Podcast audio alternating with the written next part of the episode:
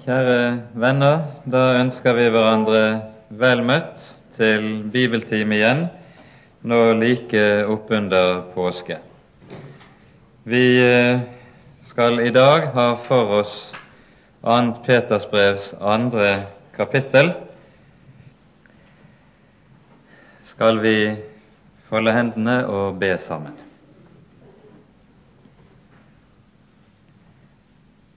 Kjære gode Herre og trofaste Far. Vi takker og lover deg fordi vi på ny skal få lov til å komme sammen i ditt hellige og store navn. Fordi du har gitt oss din egen sønn, så vi skal høre deg til. Du har selv sagt at i ham skal vi få eie syndenes forlatelse, liv og salighet,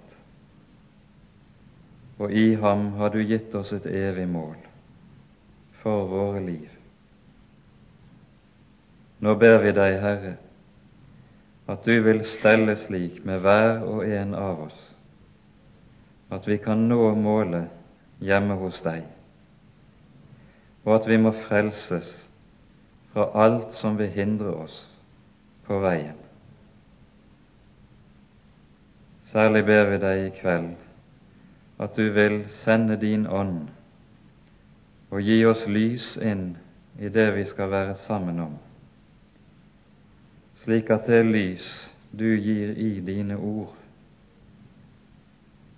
kan kaste lys over livsveien for hver enkelt av oss. Herre, kom for på deg kaller vi. Amen.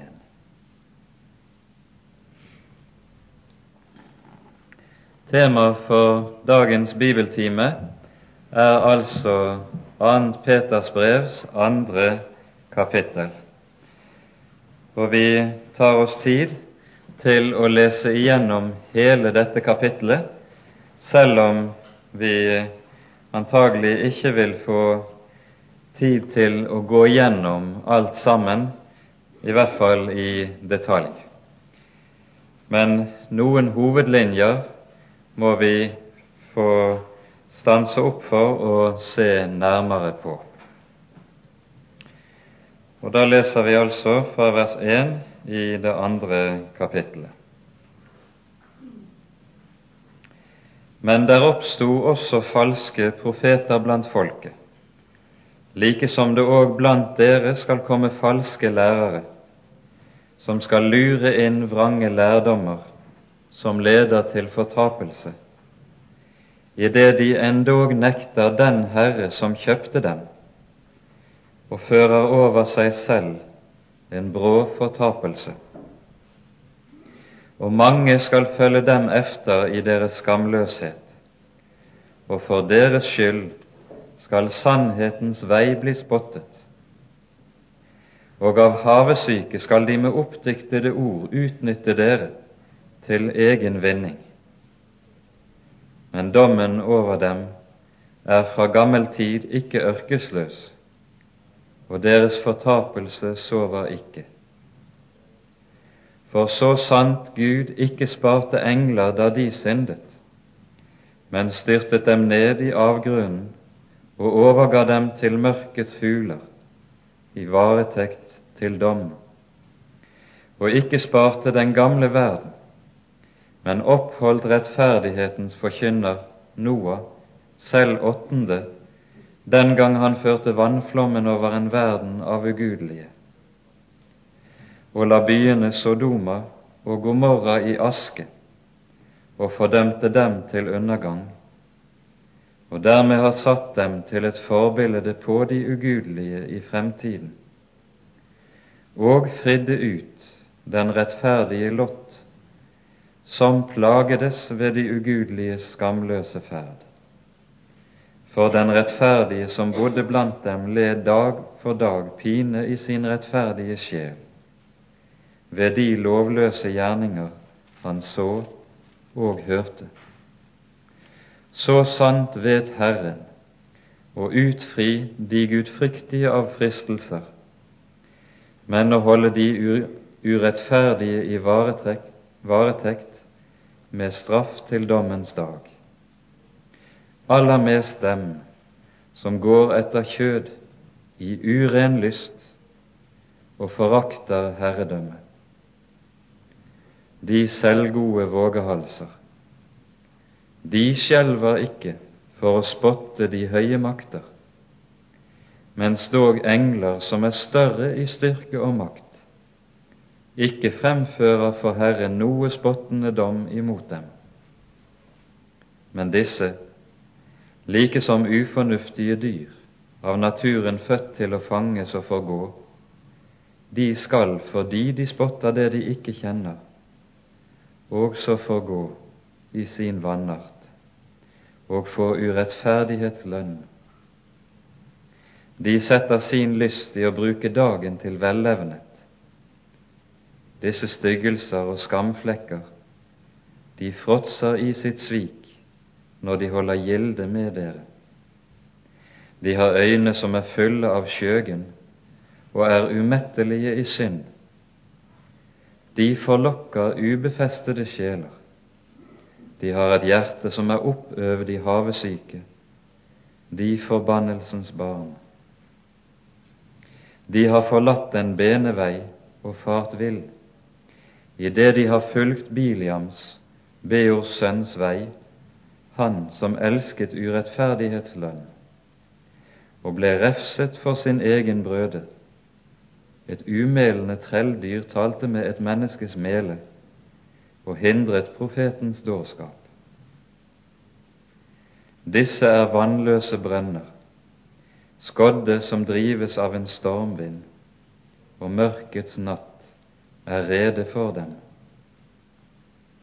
For idet de taler skrytende, tomme ord, forlokker de i kjøds lyster ved usedelighet dem som just har flyktet bort fra dem som ferdes i forvillelse idet de lover dem frihet, de som selv er vannartens treller.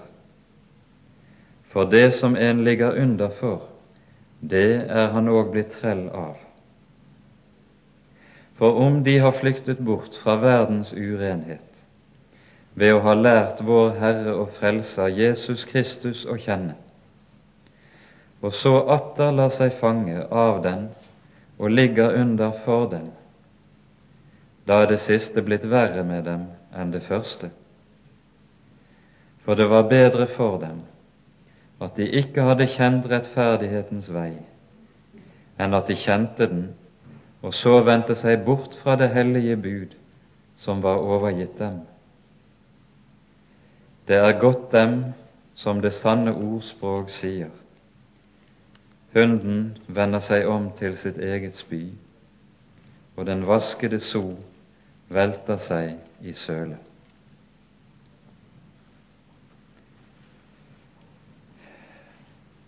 Det kapittelet vi her har lest fra 2. Peters brev, det tror jeg vi må kunne si står i en særstilling i Det nye testamentet.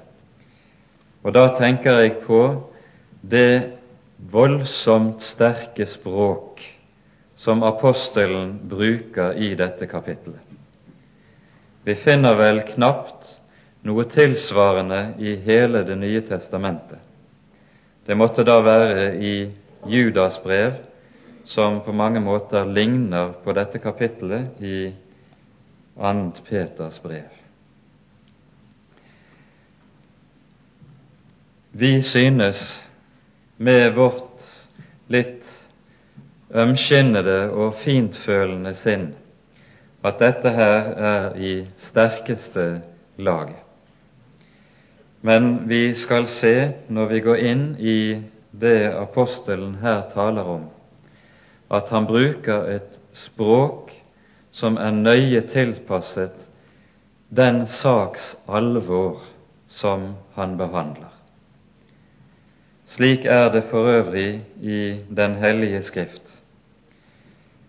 Gud tar ikke hensyn til menneskers finfølelse når han kaller synd ved dens rette navn.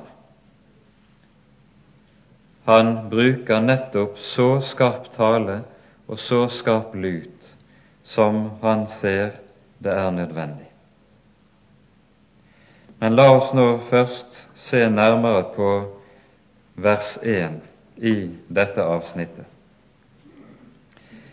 Men det oppsto også falske profeter blant folket, leser vi.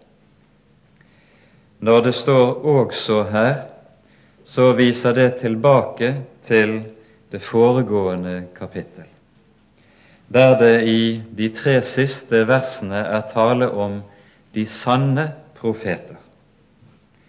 Der leser vi jo slik i de, Særlig de to siste versene kan vi vel lese.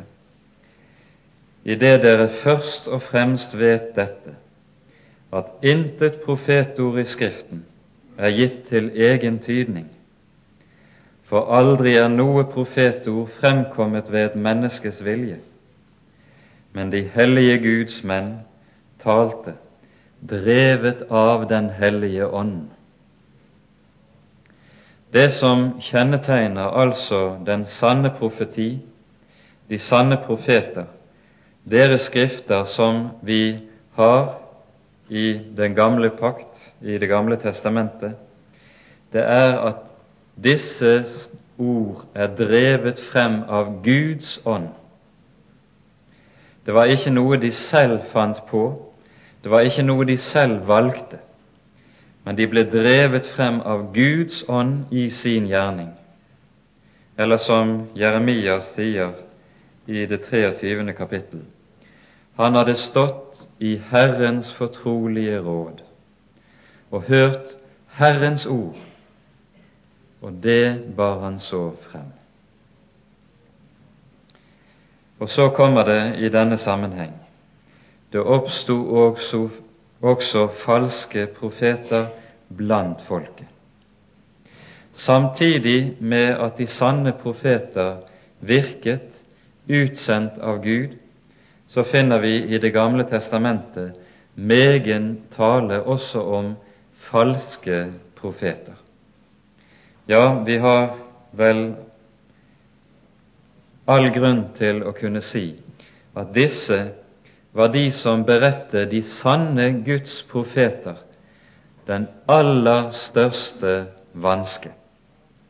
Og Samtidig var det også slik at når disse falske profeter opptrådte i stadig voksende antall frem mot den dagen da Jerusalem ble erobret av babylonerne, så var det disse som både gjorde det trangt for Guds ord, og samtidig var en forførende kraft i hele folkelivet. Vi skal, hvis vi får tid, komme noe tilbake til akkurat dette og hva som kjennetegnet de falske profeter. Men det vi skal legge merke til, er at apostelen så sier, like som det òg blant dere skal komme falske lærere. Og slik advarer apostelen menighetene for at de skal være våkne og følge med, legge merke til og prøve det som blir forkynt for dem. De skal ikke, og det skal vi merke oss, de skal ikke ta all forkynnelse for god fisk. Om det så aldri så mye er en som bærer prestekjole eller bispekappe. De hadde det den gangen òg. Det er ikke god fisk for det om det bæres frem av en som har embetstittelen. Det som må prøves, er innholdet i det som sies. Like som det òg blant dere skal komme falske lærere som skal lure inn vrange lærdommer. Underlig nok så er det slik at dette er det noe som tales svært lite om i kristne menigheter. og har vært lite omtalt de siste 30-40 årene i norsk kirkeliv. Trass i at den Herre Jesus og hans apostler ofte taler om dette. La oss ta et raskt lite sprang til Matteusevangeliet, og der skal vi se hvorledes Jesus taler om disse ting. Vi begynner i bergpreken i Matteusevangeliets syvende kapittel.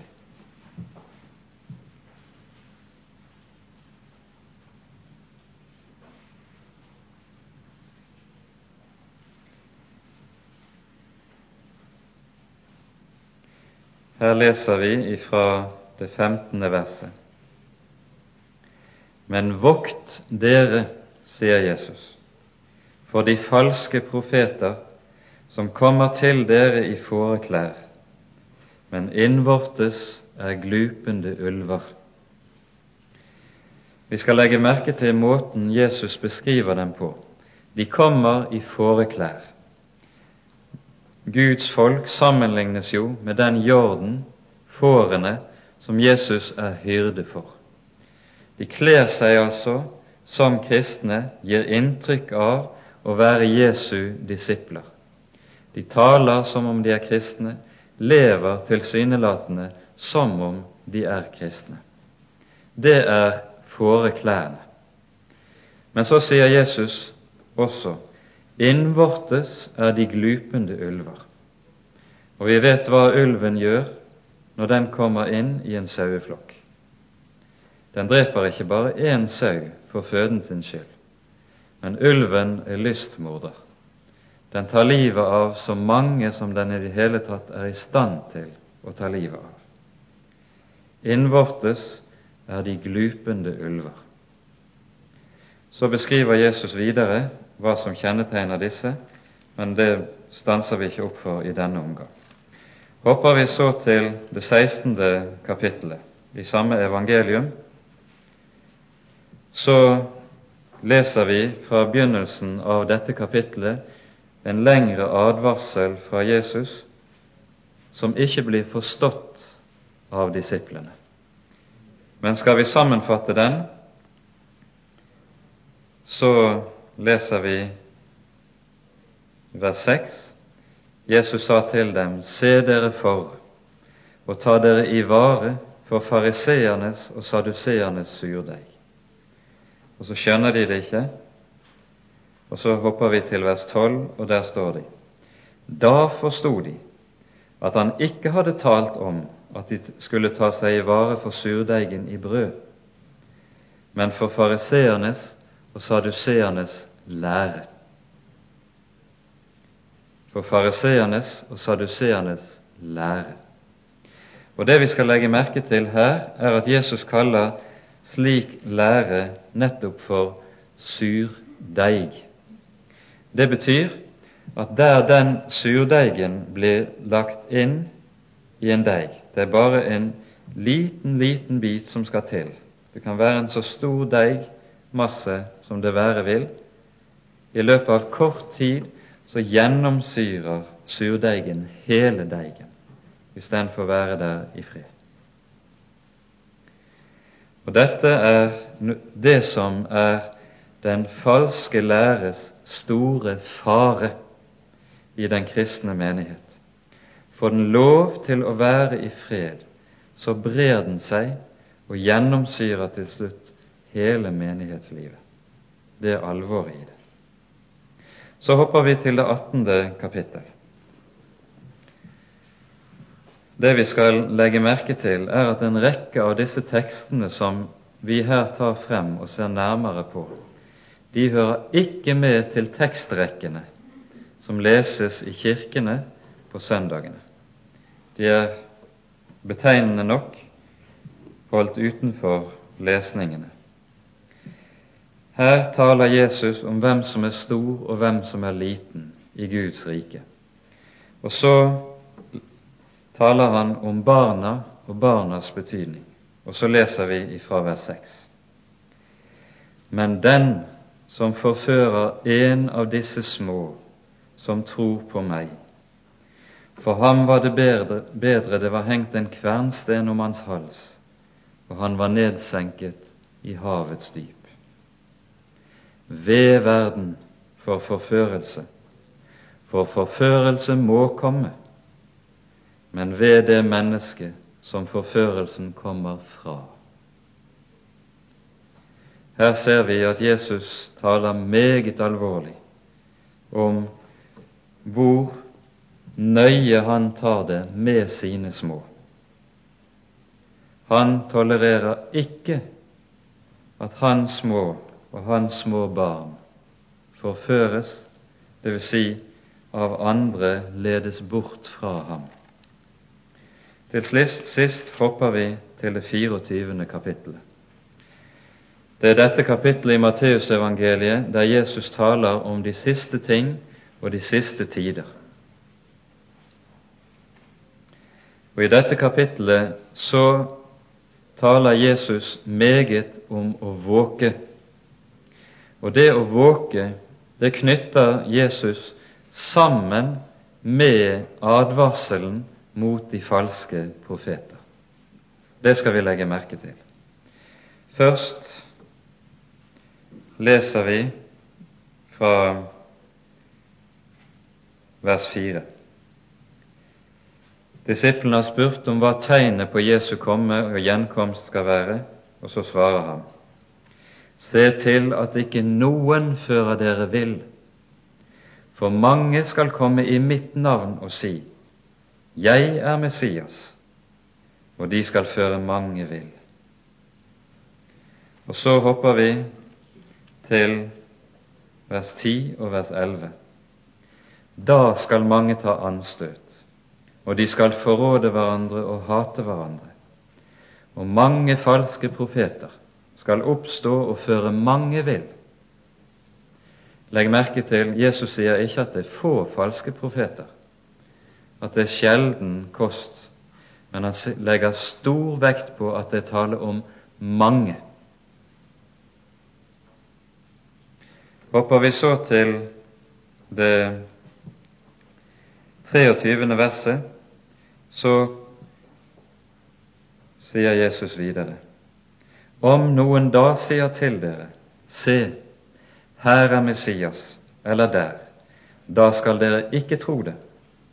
For falske Messiaser og falske profeter skal oppstå og gjøre store tegn og under, slik at endog de utvalgte skulle føres vill, om det var mulig.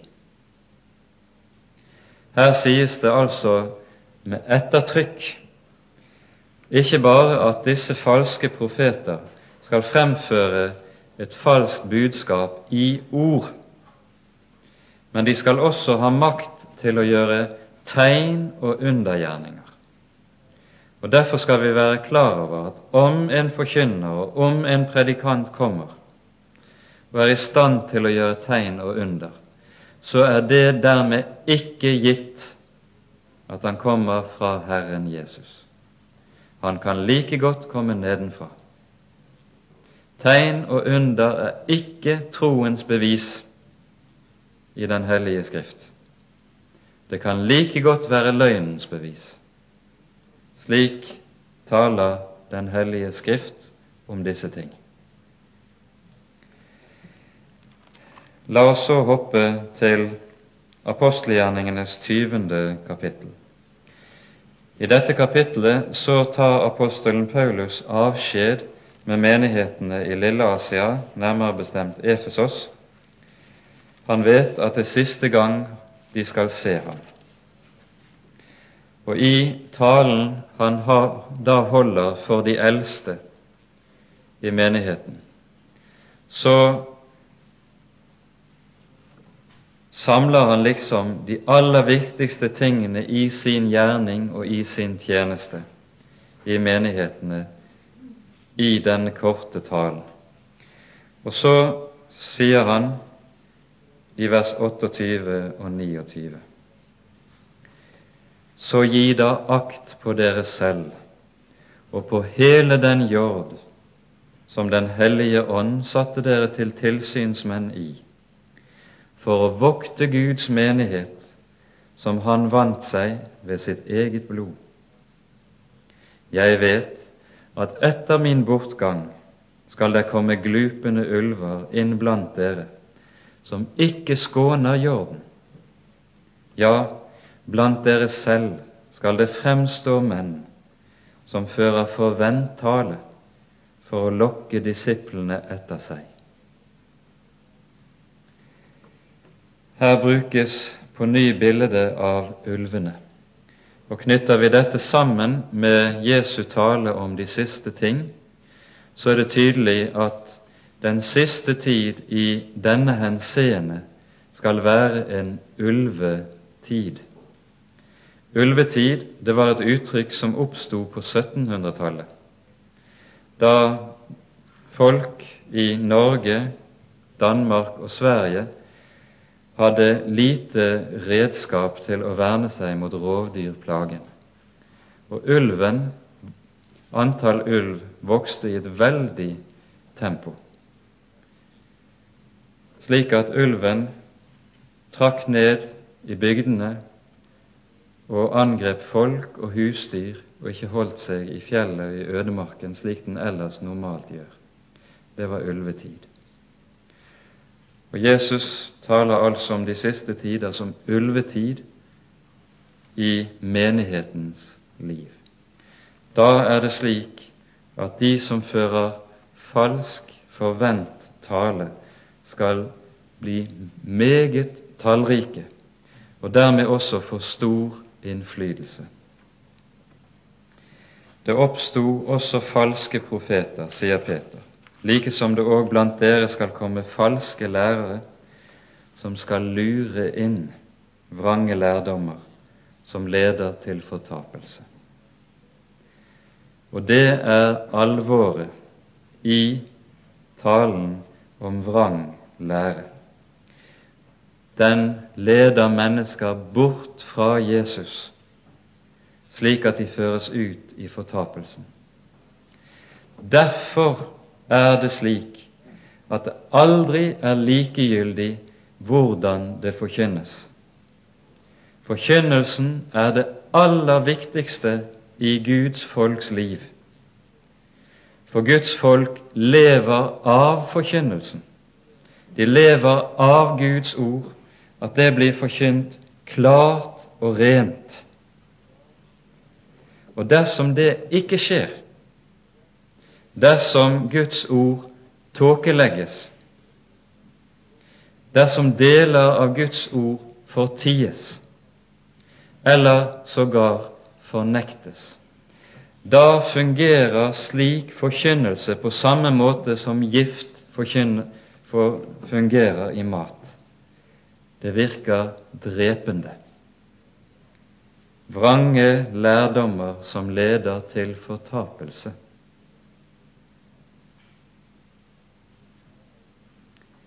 Slik taler Den hellige Skrift.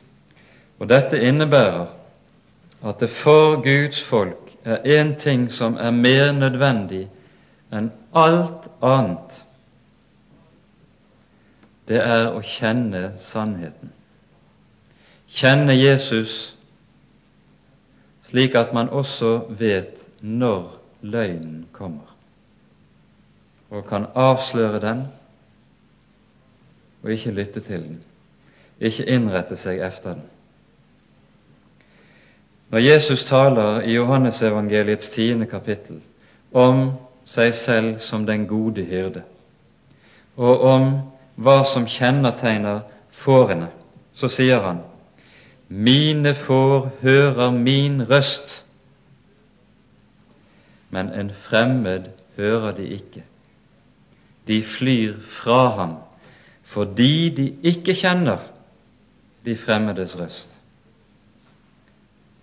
Fårene er kjennetegnet av at de nettopp vet hvem de tror på, og derfor hvem de skal følge og så følger de ikke de andre. De vet at de er løgnere.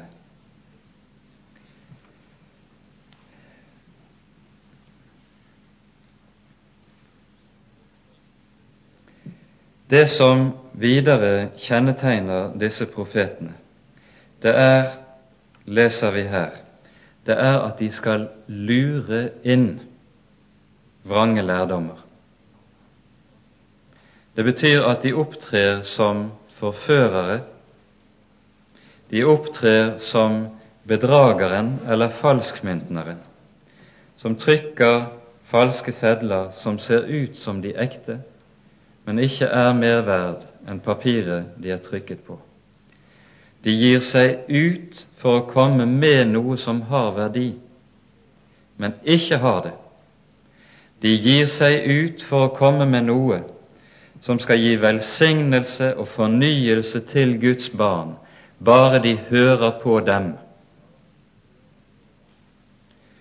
Og så gjør de budskapet sitt så tiltalende som vel mulig er. Hvordan gjør de det? Om det taler vår bibel svært meget, for dermed er vi over på innholdet i de falske profeters forkynnelse.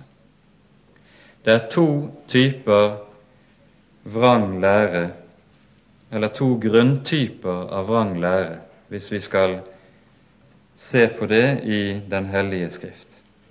Det ene er vranglære på troslærens eller på dogmatikkens område. Det vil si slik at vranglære som opptrer slik at man fornekter ulike sider ved troslæren.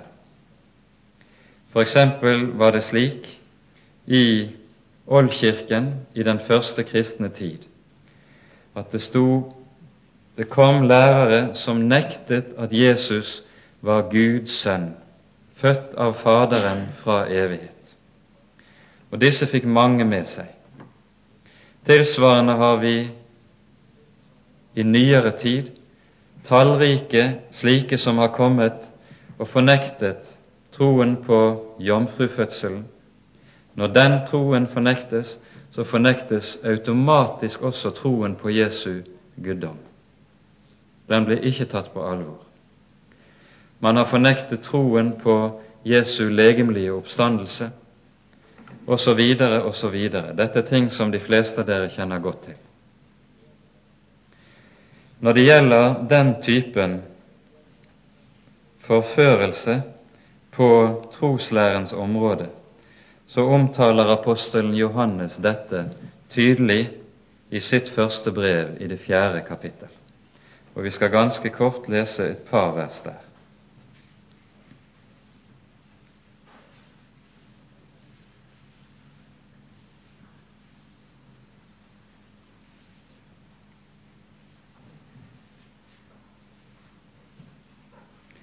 Det fjerde kapittel leser vi fra begynnelsen slik. Dere elskede, tro ikke enhver ånd, men prøv åndene. Prøv åndene om de er av Gud, for mange falske profeter er gått ut i verden. På dette skal dere kjenne Guds ånd.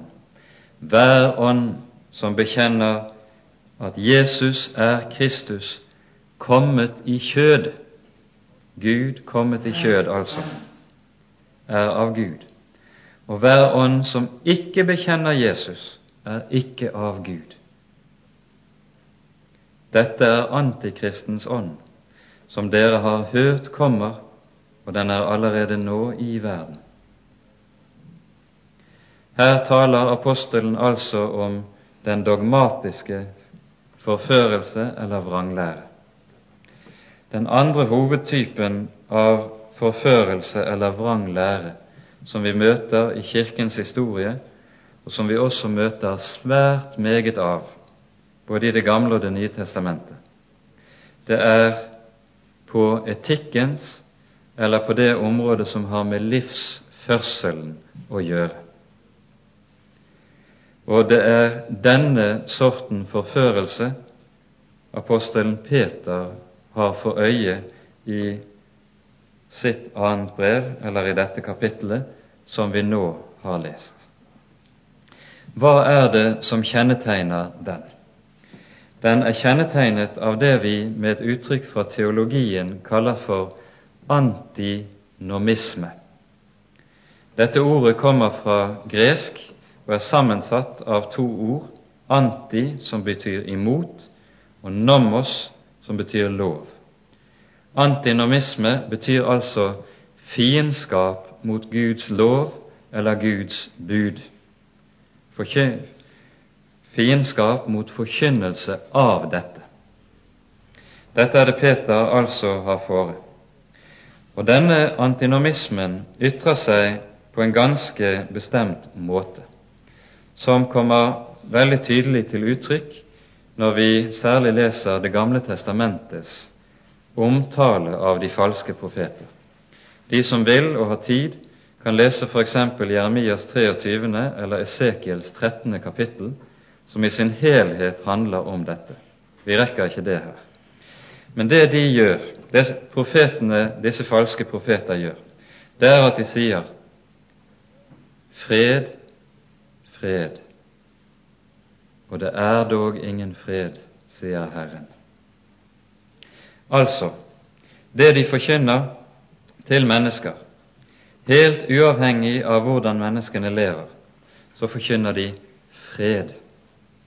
Gud er god, Gud er kjærlig, det er ingen fare. Jeremia sier det slik, de sier atter og atter til dem som forakter meg, det skal ingen ulykke komme over dere. Hva er det som ligger i dette? I dette ligger det noe som er helt grunnleggende viktig å være klar over. Det ligger en fornektelse av Guds hellighet. Det er det som dypest sett ligger i bunn under dette. Og denne fornektelse av Guds hellighet, den er noe som opptrer i vår falne verden allerede på syndefallets dag.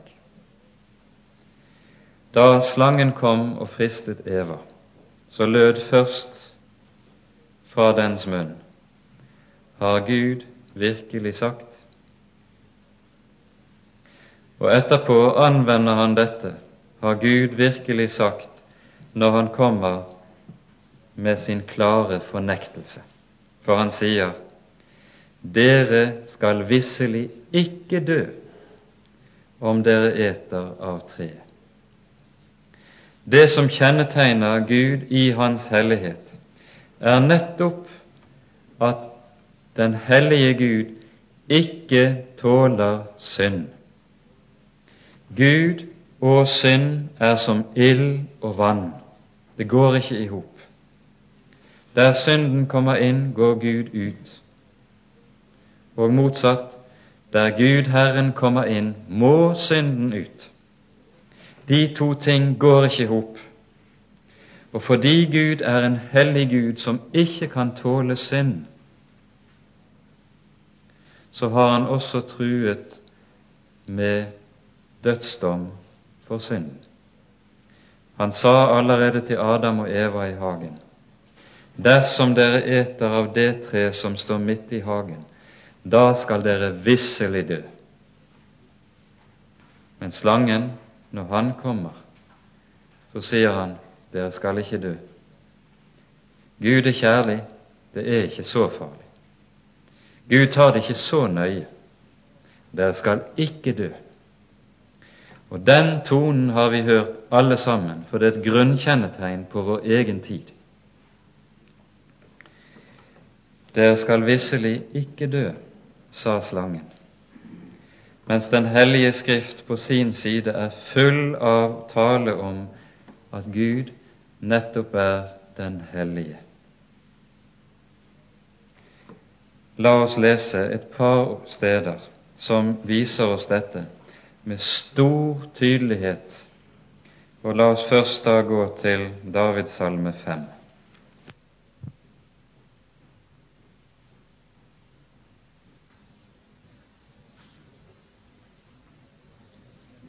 Her ber David til Herren i sin nød, en nød som er forårsaket av at onde mennesker står ham etter livet.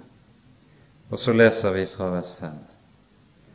For du er ikke en Gud som har behag i ugudelighet.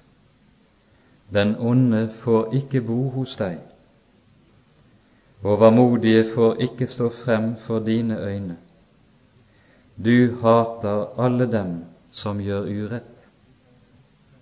Du lar dem som taler løgn, gå til grunne. Den blodgjerrige og falske mann er en vederstyggelighet for Herren. Her ser vi at Skriften taler meget, meget sterkt om hvorledes synd er uforlikelig med Gud. Gud er den hellige. Og slik taler Skriften meget, meget om Herren. Dette er bare et lite eksempel. Og Derfor er det også vår bibel taler så tydelig om at samfunn med Gud kan syndere ha bare på én betingelse, på ett premiss. Det er at synd blir sonet. Og soning, hva er det? Soning er at det skjer en død stedfortredende for synderen. Det er jo det som er korset. Hvis ikke Gud var den hellige, så hadde Jesus aldeles ikke behøvd å dø på korset. Det er fordi Gud er den han er, Jesus henger der og betaler den dyre prisen han gjør. For hemmeligheten med Jesu kors, det er nettopp at han bærer Guds dom over synden i vårt sted. Og det er fordi Gud er hellig Skriften taler om at Gud dømmer synden. Denne, dette grunnleggende ved Skriftens budskap å tale om Gud er det altså antinomismen fornekter, som de falske profeter fornekter.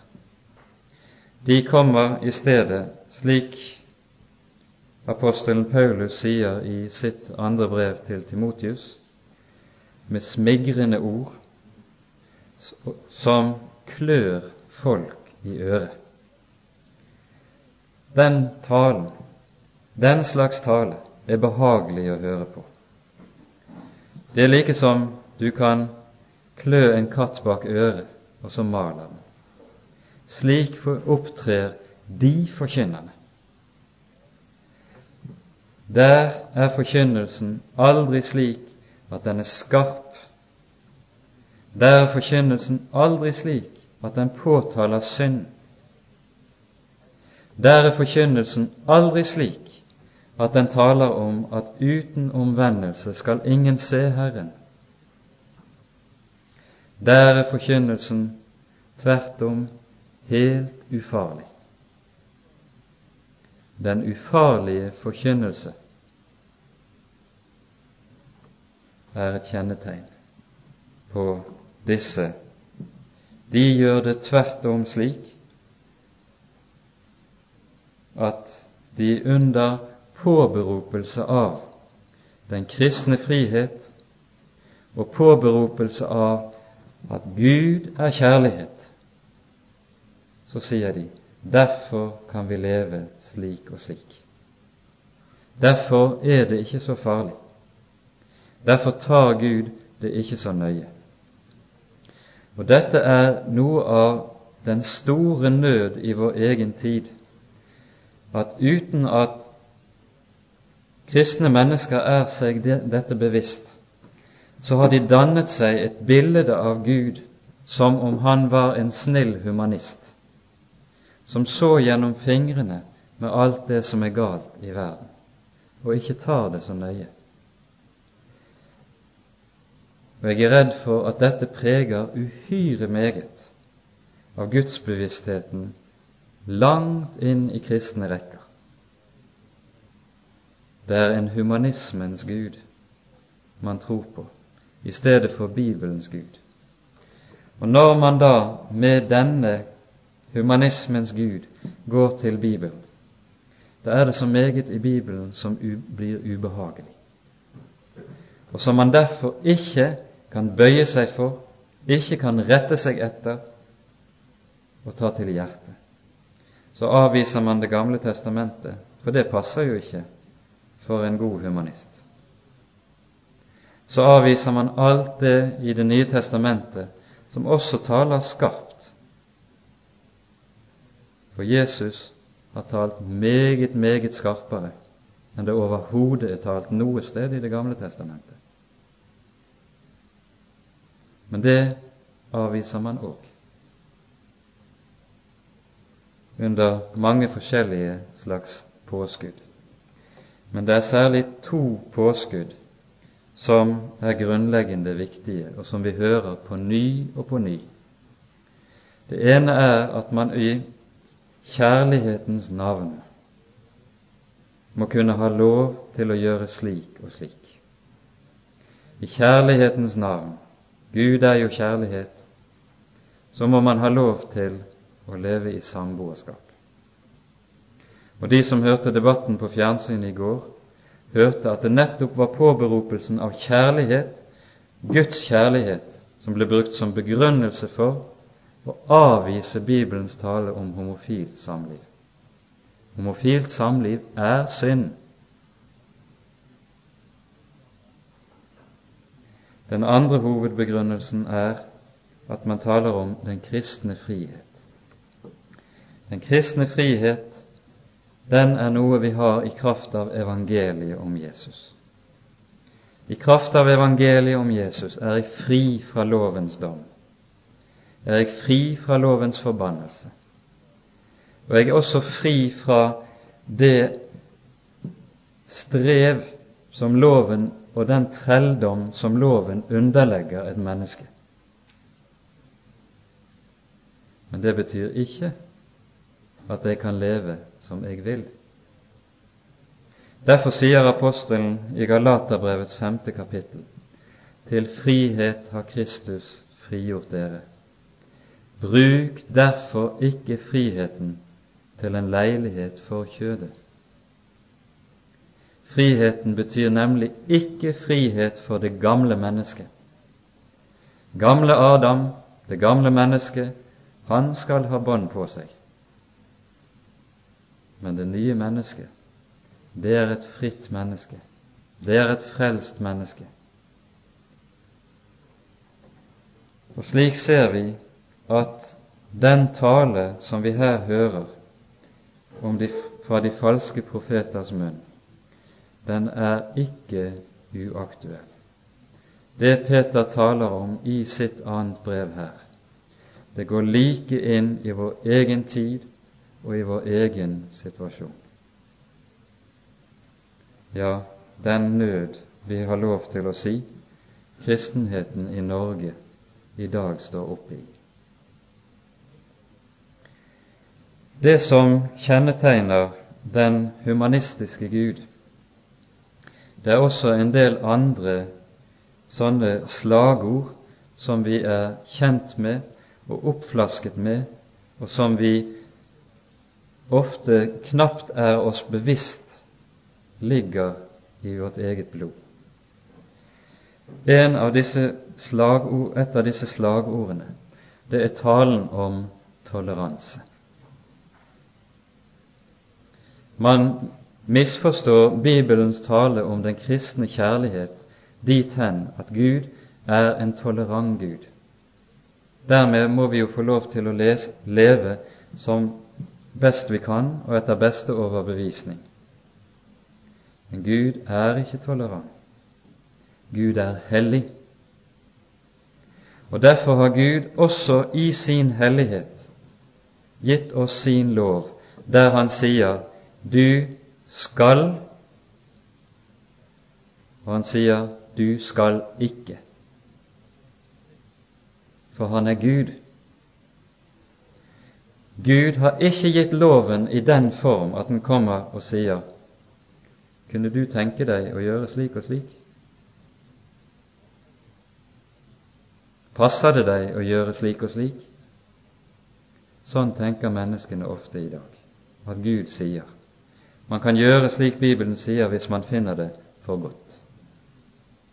Men Gud har sagt du skal og du skal ikke, fordi Han er Gud, og vi er skapning, vi er mennesker som står under ham.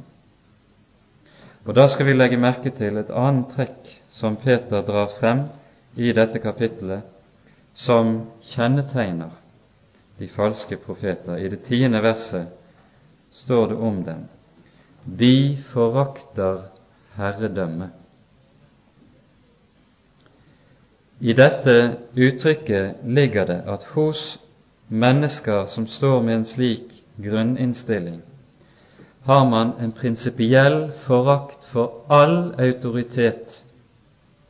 Det er nettopp det som er utålelig, at noen skal komme til meg og fortelle meg hvordan jeg skal leve. Da blir det slik, som vi også hørte det på debatten på fjernsynet i går, det kalles for undertrykkelse. De forakter herredømme. Da frakjenner man Gud retten til å si oss og lære oss forskjellen på rett og galt. Den rett som tilkommer ham og ham alene og intet menneske. For Han som har skapt oss, er den eneste som vet forskjell på rett og galt, og den eneste som vet hva som er til gagn for oss mennesker. Vi vet det ikke.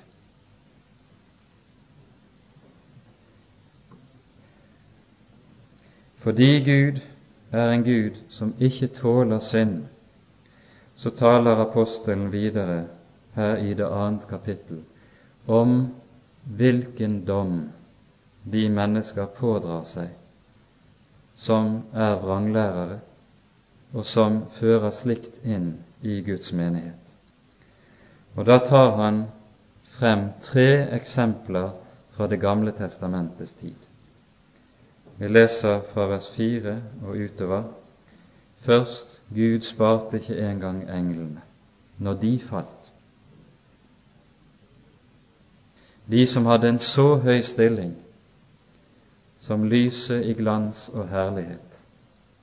De ble lukket inn i avgrunnen. Grunnteksten bruker et ord som bare brukes her i Det nye testamentet. Avgrunnen er det sted som ligger under dødsriket, og som er like dypt under dødsriket som himmelen er høy over jorden. Der ble de falne englefyrstene lukket inne til dommens dag. Det tales om denne avgrunn noen ganger i evangeliene òg, som noen av dere vil huske. Når Jesus skal drive ut de onde ånder, så hører vi et par ganger om at de ber ham om ikke å stenge dem inne i avgrunnen. Så tas det frem dommen over verden da Noah levet, og til sist dommen over Sodoma og Gomorra. Om det siste har den kjente danske presten og forkynneren Skovgård Pettersen en gang sagt. Det folk som gir seg hen til Sodomas synd, må regne med å rammes av Sodomas dom. Og det er derfor dette også står her i Det nye testamentet. For vi skal legge merke til dette er en grunnleggende forutsetning gjennom hele Det nye testamentet at Gud er én. Det vil si, han er den samme. Han forandrer seg ikke, utvikler seg ikke med tiden til å bli annerledes. Som han var i den gamle pakts tid, slik er han i den nye pakts tid. Det er den samme Gud vi møter både i Det gamle og Det nye testamentet. Den samme hellige og den samme kjærlige. som dømmer synd, både i Det gamle og Det nye testamentet, og frelser syndere ved troen, både i Det gamle og Det nye testamentet. Tiden går, og vi rekker kanskje ikke så svært, svært meget mer. Men la meg få lov til til sist å peke på noe som apostelen Johannes tar frem i åpenbaringen i det annet kapittel. Her er det nemlig tale om hvorledes den kristne menighet skal forholde seg overfor vranglærere som opptrer i menighetens forsamling. De skal utelukkes. Vi leser i vers 6 i Åpenbaringen 2. Dette har du, at du hater nikolaittenes gjerninger, som jeg også hater. Og nikolaittene, det var en gruppe i Oldkirken som nettopp drev vranglære på det etiske området. De forkynte en sort libertinisme, dvs. Si at menneskene, de kristne, kunne leve fritt som de ville på det seksuelle området. Det sies uhyggelig sterkt i dette avsnittet og la meg bare understreke at hate her betyr ikke det å hate i vår vanlige, dagligdagse forstand av ordet, hvor det er uttrykk for personlig hevn, uttrykk for det personlige gjengjeldelsestrang. Det er ikke det det er tale om her. Men det er tale om det som kjennetegner kjærligheten til sannheten. Den må vende seg fra løgn hvis den skal være sann. Løgn er noe som i Guds menighet ikke kan tolereres, fordi den nettopp da vil virke, som Jesus sa, lik surdeigen. Og det er det som er det store alvor i situasjonen i dag i vår egen kirke. Hvis det skulle komme til å skje at det blir offisiell politikk i Kirken, at to standpunkter i homofilispørsmålet blir regnet som like verdige i Kirken, da har surdeigen fått en plass hvorfra den kommer til å gjennomsyre og ødelegge alt. Slik er det at i Guds menighet kan det aldri være den sort pluralisme som det er ellers i et demokratisk samfunn. For Kristi menighet på jord er tegnet i Skriften som under bildet av et tempel. Og et tempel, det er hellig.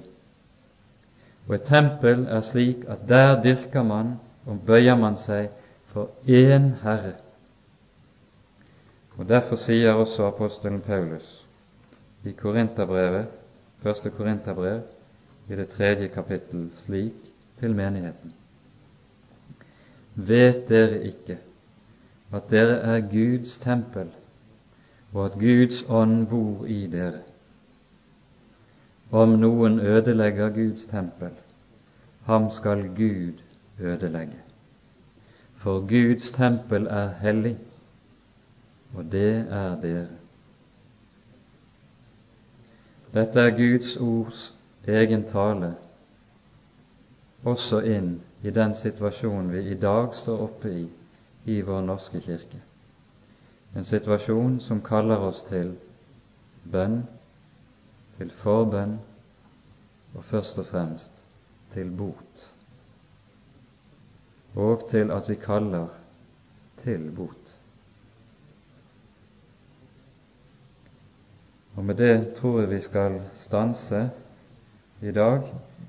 Det ble ikke direkte, så mye direkte å gå inn i dette kapittelet i detalj, men det ble å peke på sammenhengen med grunnsannheter i Skriften som viser hvorfor apostlene og den Herre Jesus selv ser så uhyre alvorlig på vrang lære som de gjør, og derfor bruker en sånn voldsom språkbruk om disse ting, slik at den for oss virker unaturlig, men dog skal vi få tro er nødvendig.